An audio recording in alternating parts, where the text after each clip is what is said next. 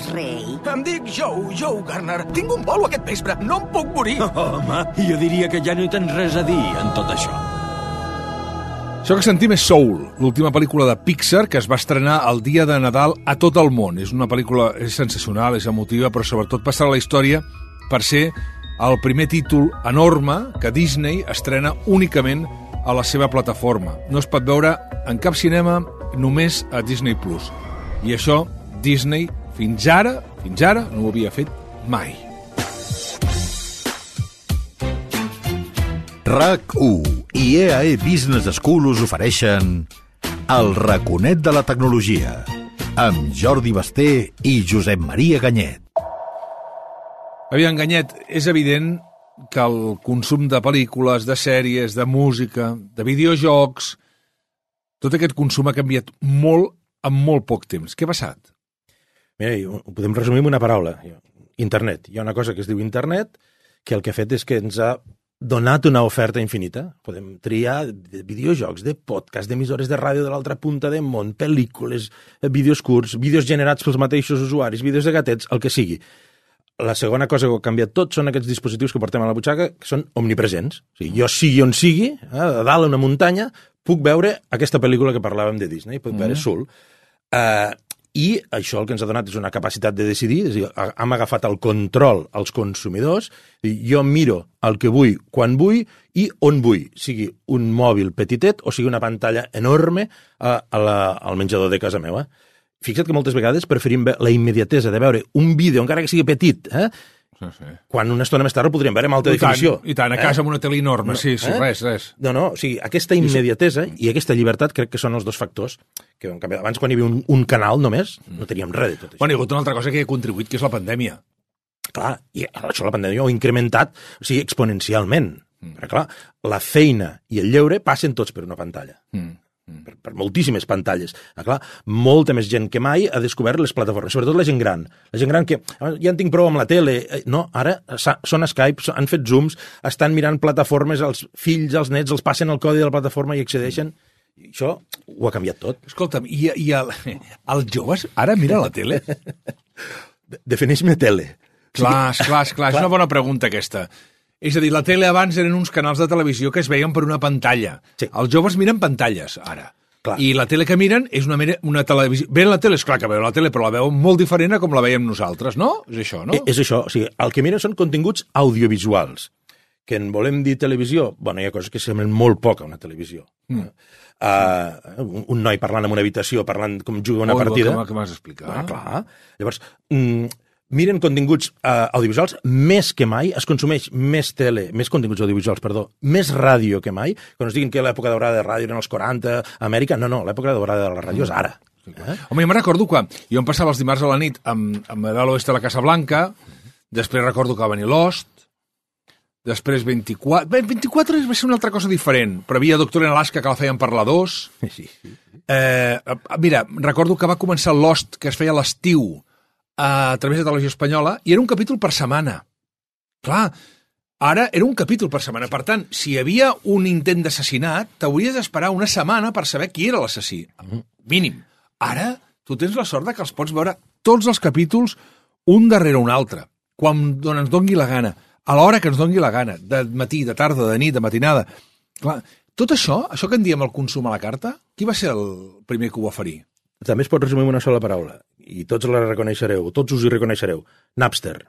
Napster. Napster. Sí, Napster va ser la primera... Ui, això fa molts anys. Ja fa molts anys, a finals dels 90, dos programadors que no tenien ni idea de programar, de fet el que va programar Napster era el seu primer programa, uh, s'intercanviaven música, aquest format nou, MP3, que era molt lleuger i, i ens podíem enviar la, la música en forums, a dir, no, això ho hem d'automatitzar, fem-ho d'una manera que sigui més fàcil. I van crear un cercador i allò va ser pirateria, allò, ostres, ens estan robant, la indústria de la música es va rebotar, causes als tribunals, però ningú es va donar que allò era el que la gent volia. Mm. Eh? Bé, les grans no se'n van adonar, perquè hi havia uns altres que es diuen Apple, eh, uns altres que venien d'internet o de la informàtica que van dir, ostres, aquí hi ha negoci.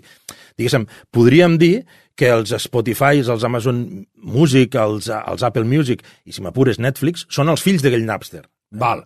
Val, ara parlaves, de, ara parlaves de Netflix. Jo me'n recordo la primera vegada que algú va parlar de Netflix. Va ser en Jordi Graupera a Nova York, mm -hmm. que em deia com funcionava allà, i allà el, el funcionament era que era, però això com, com funciona així? Que era que tu agafaves una pel·lícula, la posaves en un sobre, el sobre el tiraves amb una mena de bústia i la bústia aquella... I a partir d'aquí va començar a néixer Netflix, a partir dels diners que van recaptar per fer tot això. Clar, tu parlaven de Netflix, podem parlar d'HBO, de Filmin, d'Orange, de Movistar...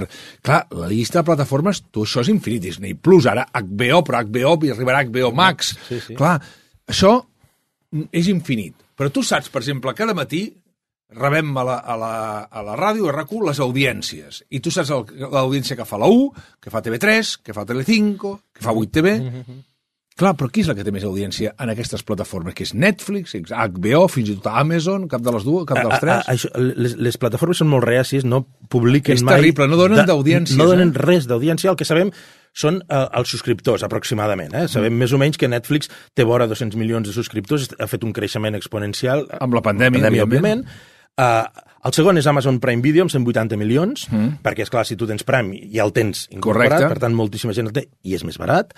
Uh, Disney Plus, un creixement també exponencial. Uh, fa, un any, Bestial, fa clar. un any no hi era, no el teníem. I ara Eh, quants n'hi ha? 87 milions, HBO 57 milions i Apple TV amb 35 milions. També un creixement molt gran perquè Ah. és, és l'últim d'arribar. Perdona, estàs obvi obviant YouTube, que YouTube diríem que és el, la plataforma de vídeos eh, per excel·lència, no? Clar, aquí és, o YouTube és una, juga una altra lliga, amb el sentit de que sí, hi ha vídeos, hi ha documentals i pots eh, subscriure-t'hi com una, com una d'aquestes plataformes, però totes aquestes que hem parlat són plataformes tancades. Mm. Tu no pots pujar la teva pel·lícula, el teu documental a Netflix. Has de parlar amb una productora, que li pugin, eh, que te'l comprin eventualment. A YouTube tu pots agafar el vídeo i ara podríem filmar aquest podcast. De fet, hi ha molts podcasts que són a YouTube i a, a les plataformes de podcast uh, alhora. Uh, clar, a, a, a la gràcia d'això és dir, mm, pots trobar una oferta infinita, però és que si no hi ha el que t'agrada, Mm. vas, tu fas i ho penges. Eh? Clar. I eventualment pots viure d'això. Mm. I per YouTube, que, a mi em m'havien dit que YouTube representava una barbaritat del global. Sí, sí, sí, clar. Tu, tu has de pensar que entre, entre YouTube i Netflix, quan parlem de, de trànsit d'internet, eh, de, de, Sí. de, de, això que dèiem, que teníem tanta por, que a veure si cauria internet Sí. amb la pandèmia, eh? doncs aquesta gent se'n- s'emporten pràcticament una quarta part del trànsit d'internet. El raconet de la tecnologia. Abans parlaves de les ràdios. Les ràdios, jo encara tinc un transistor a casa, diguen rupestre, però vaig així, vaig un transistor a casa. Però és evident que hi ha una manera de sentir i d'escoltar la ràdio ara extraordinàriament diferent. Va, va canviar la vida un dia passejant en cotxe per Los Angeles i, clar, era un d'aquells cotxes que tenia l'opció de connectar el mòbil. I quan vaig sentir un partit del Barça amb el cotxe a, a Califòrnia, vaig pensar però què està canviant en aquesta vida que jo no ho puc entendre perquè això passava als Estats Units, no passava aquí, no? I clar, la ràdio també està canviant. I ara tu i jo estem gravant un podcast i la gent pregunta, bueno, i això, podcast i tal... Clar, això és, han, han estat els últims en sumar-se al carro. Sí, eh, diria que no. Diria que han estat els últims a explotar. De podcast n'hi ha de fa molt temps, mm. però bueno, els escoltàvem quatre frics. Eh? Uh -huh. Ara, o sigui, arri arribem a tothom. Eh? Uh, Fixeu-vos que hi ha una cosa que ha entrat a les llars de tothom ja des del Nadal passat, però aquest també, que són els assistents de veu, que encara són molt rudimentaris, molt primigenis, eh? però tu et poses un altaveu a ta casa, que n'hi ha de mil marques, el Sí. més popular és el d'Alexa i el Sí, de sí. Google, el que sigui, i tu li dius, mm, posa'm RAC1. Si no has de tocar ni un botó, no saps ni on és el dial, és igual. Tu li dius, posa'm RAC1 i et posa RAC1. I dius, posa'm el podcast mm, de, del Raconet el de la Raconet de la te- tecnologia i te'l troba. Però li dius, posa'm un podcast de la BBC o de la CNN o de la NPR i te'l troba. O sigui, no saps ni on és, ni qui el fa, ni si, a quina hora s'emet. Tu li dius i te'l troba. Mm. I això és un canvi que jo crec que, si parlàvem de l'edat dorada de la ràdio i de, i de l'època dorada de la ràdio i de l'explosió de la ràdio, crec que amb els podcasts i amb l'accés amb veu als podcasts a casa, però sobretot al cotxe, això encara ha d'explotar. Escolta, qui és, qui és això del Joe Rogan Experience? Ostres, el, el Joe Rogan Experience és el podcast d'un comediant americà que havia presentat fins i tot shows d'aquests de, de wrestling i coses així, que és, eh, bueno, que, que es dedica a parlar amb gent que a ell li interessa, però són podcasts d'una hora, dues hores, tres hores, Mm. xerrant, com fem tu i jo, doncs mira, de tot i de res. Mm. Bueno, aquest senyor eh, és la persona que té més audiència de la història de la ràdio a tot arreu. No. A aquest senyor li ha fet un contracte ara mateix Spotify per tindre els seus podcasts amb exclusiva de 100 milions de dòlars. Mare de Déu. I aquest senyor explota no només els seus canals eh, de, de podcast, sinó que ho enregistra amb eh, YouTube o penja a Instagram i el negoci que em fa de les visualitzacions a múltiples plataformes, eh, bueno, arriba a treure 75.000 dòlars 75.000 dòlars per episodi. Sí, hi ha, hi ha un problema que hauria de, tractar algun dia amb alguna mena de psicòleg o de psiquiatre fins i tot, que és el tema de la capacitat d'elecció. Jo començo a passar un problema que és que quan veig segons quina sèrie repetida, per exemple, 24 és una sèrie que no em canso de repetir, i ara estic en el segon visionat, tinc una angoixa, no, això no és broma, eh? un sentiment de culpabilitat de que tinc tantes plataformes a casa que em sento culpable de no veure coses noves. Per exemple, i em puc passar un dia escollint què de veure després. És a dir, després em paro i dic, bueno, i ara què veuré? Home. No, I és tantes coses infinites, perquè a més dius, tens Netflix, però a més, com que tenim una capacitat voraç de captivar coses, tens Amazon, perquè com que pagues un cop Sí, l'any i costa sí. 4 duros, també tens Amazon. Per tant, tens Netflix i Amazon. Però tens també, com els partits del futbol els has de veure per Movistar, tens també Movistar. I com Filmin, que és una plataforma que hi ha pel·lícules històriques i que hi ha grans pel·lícules històriques que vols ensenyar que les teves criatures les puguin veure, Gran filming. ja tens Filmin, HBO, Jo- perquè a més, com que veies Joc de Trons, també vols veure Joc, HBO, però la tens perquè la continues pagant, Amazon, i tens i vas acumulant. Sí, sí, I això vol dir que són hores i hores i hores infinites de, de, de tot. I clar, la capacitat sobre un, un món infinit tan gran de possibilitats Sí. Que és un gran problema, per molt que t'ho digui, del primer món. Sí, sí, aquest és el gran problema del primer món, l'oferta infinita. I eh, llavors, quan, eh, paradoxalment, quan tenim una oferta infinita, elegim de manera inconscient no elegir. Per què? Perquè és, és el que deies tu abans. És que si jo agafo aquesta sèrie, segur que n'hi ha una altra que és millor, perquè clar, com que n'hi ha infinites virtualment, segur que m'estic perdent alguna cosa. Clar. I llavors passa aquell fenomen tan curiós, que és, després de sopar, dius, bueno, miraré alguna cosa, no? I llavors comences a mirar, aquesta no, aquesta no, aquesta me la guardo per després, després aquesta me la poso a la llista tal, aquesta a la llista qual. I llavors mires totes les que voldries veure, que no, fa acabes por, veient, i fa por. I fa por. I després passa una cosa, que és que els que érem abans de... Si començo una sèrie o començo un llibre és per acabar-lo, ara no. O sigui, la quantitat de sèries que se m'han quedat allà perquè de cop i volta no m'interessa... Una sèrie, quan t'interessa una sèrie? Quan està, o com un llibre, exactament igual que un llibre, que és quan estàs a la feina i dius, bueno, tinc unes ganes d'arribar a casa per veure el capítol, que em moro. Quan això no et passa, tanca la, tanca la sèrie. Sí, I la- ara t'obligues. A la mínima que baixa, eh, ja està. Si tu te'n vas de vacances amb un llibre, i hi ha un moment que baixa, dius, bueno, és que només tinc un llibre i la, ja l'acabo. Si tu te'n vas amb un Kindle, que hi portes 300 llibres, aniràs saltant de l'un a l'altre. Escolta, va... No, sempre hi ha una cosa millor a fer. Eh? Val, amb tanta oferta, deixa'm preguntar-te una última cosa. Llavors, qui s'emporta el tros més gran del pastís de l'audiència en hores de consum, per exemple? Mira, aquí hi ha- una comparativa molt, molt interessant, que és... Eh, i, i ho podeu veure amb el vostre mòbil, quan mireu allò, el temps que passeu al mòbil, eh? Uh -huh. mitjans socials, YouTube, eh, eh, missatgeria, el que sigui.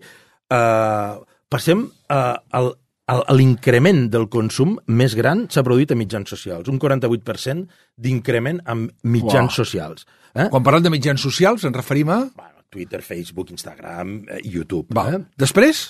Uh, notícies i, i, i llocs de notícies, eh? un 47%, junt amb... amb Estem els parlant, estem parlant de, web, de, de webs, d'informació, estem parlant de... dia, de... diaris, ràdios, televisions, webs... Perfecte, diaris, perfecte. Des, pràcticament empatat, deies, amb? I no, empatat al 47% amb els serveis de streaming, o sigui, amb les plataformes aquestes que parlàvem. Netflix, Spotify, eh, HBO, Amazon, etc. Amazon, Hulu. Després? Després la televisió convencional, 45%. Eh? I finalment els videojocs. Fixeu-vos que hi ha un increment amb tot el que és lleure eh, electrònic, com, Clar. com no podia ser de cap manera. Clar, I els videojocs estan molt lluny de la resta o no? Eh, No, el, els videojocs eh, estan pràcticament al 39-40%. Ah. Eh, Que no n'hem parlat avui dels videojocs, Bueno. Ganyet, i, i que és un altre dels grans beneficiats de la pandèmia. Sí, esclar, parlem de 2.700 milions de gamers a tot el món, eh? gent que juga regularment, una indústria multimilionària que ha superat a la indústria del cinema i la dels esports sumades. RAC1 i EAE Business School us han ofert el raconet de la tecnologia amb Jordi Basté i Josep Maria Ganyet. Pròxim podcast, videojocs. Videojocs. L'experiència és un grau i la teva un valor. Passa de nivell amb l'Executive MBA d'EAE Business School. Treballa les teves competències directives i de lideratge i genera sinergies amb altres professionals. Els MBA d'EAE, dels més ben considerats segons els rànquings de Bloomberg i QS. Informa't a eae.es. What's next for you? EAE. We make it happen.